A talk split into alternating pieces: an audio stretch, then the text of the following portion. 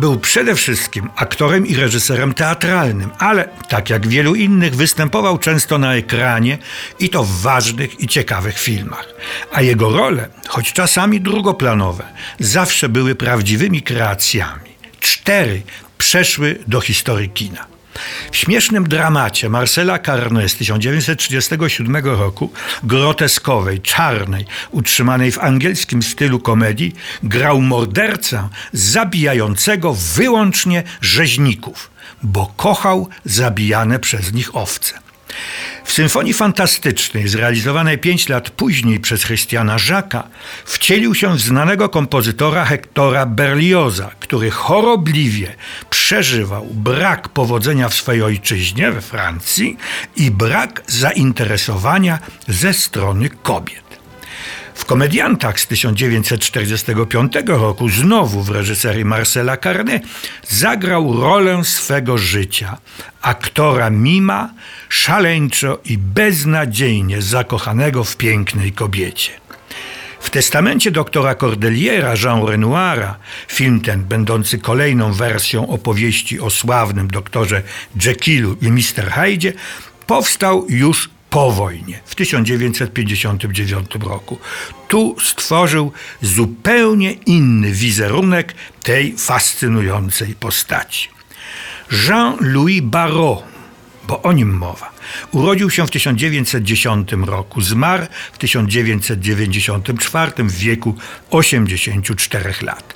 Z jego bogatego życiorysu odnotuję tylko kilka faktów. Był, jak już wspomniałem, aktorem i reżyserem, ale także dyrektorem teatru. Na scenie zadebiutował w 1931 roku w sztuce Volpone. Po czterech latach już samodzielnie reżyserował. Kierował najlepszymi i najpoważniejszymi francuskimi teatrami. Comédie Française, Théâtre des Nations, Théâtre d'Orsay i Théâtre de France. Z tego ostatniego usunięty został karnie, ponieważ w czasie rewolty młodzieży w 1968 roku stanął zdecydowanie po jej stronie. Jego występy na scenie, a także na ekranie cieszyły się ogromnym powodzeniem i uznaniem.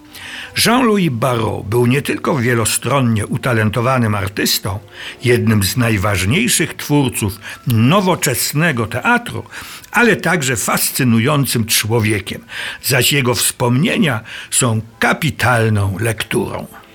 Kiedy Jean-Louis się urodził, jego ojciec był młodym farmaceutą, prowadzącym skromną aptekę.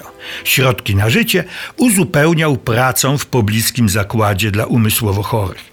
W gruncie rzeczy interesował się polityką. Jean-Louis Barrault wspomina: Ojciec był socjalistą i dzięki swemu idealizmowi jednym z pierwszych zwolenników Lenina. W głębi duszy czuł się poetą. To też mdlał na widok krwi, kiedy do jego apteki wprowadzano rannego. Miał wtedy 34 lata, a przed sobą już tylko 8 lat życia. Ale tego nie wiedział. Pisał we wspomnieniach Jean-Louis. W czasie I wojny światowej ojciec służył jako sanitariusz na froncie. W czasie jednego z letnich, krótkich urlopów zabrał Jean-Louisa i jego brata Maxa do burgundzkiego Beauregard, gniazda rodziny Barotów. Wydaje mi się, pisze Jean-Louis, że po raz pierwszy mówi do mnie jak do małego mężczyzny. Wyciąga z piwnicy butelki dobrego wina, uczy nas jego smaku. Odwiedzamy winnicę, urządzamy winobranie. Kiedy zapada noc, przytuleni do niego, kładziemy się na murze tarasu. Mówi nam o gwiazdach, o życiu, o miłości, o swojej bliskiej śmierci i o naszej matce, którą kocha. Ojciec jako sanitariusz wyjeżdżał pielęgnować rannych, ale przede wszystkim chorych na hiszpankę. Okazało się, że był to po prostu tyfus.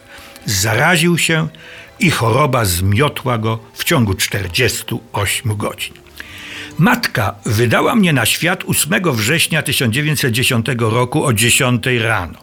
Nastąpił dziwny zbieg okoliczności. Otóż 8 września jest dniem Najświętszej Marii Panny, której Jean-Louis został zresztą ofiarowany, ale również dniem urodzin Alfreda Jarry, prekursora teatru surrealistycznego i teatru absurdu, autora głośnej groteski Ubu Król.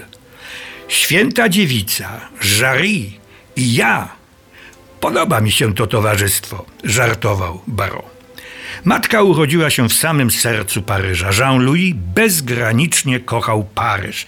Bolał nad każdą wyrządzoną krzywdą, nad zawiściami, jakie wzbudza. Zresztą w Paryżu urodziła się i to na tej samej ulicy również jego żona, Madeleine Renaud, znakomita aktorka.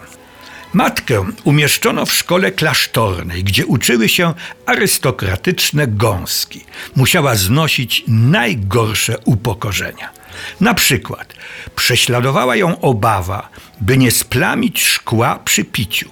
Istotnie, iluż ludzi brudzi brzeg szklanki czy kieliszka tłuszczem pozostałym na wargach lśniących jeszcze po jedzeniu.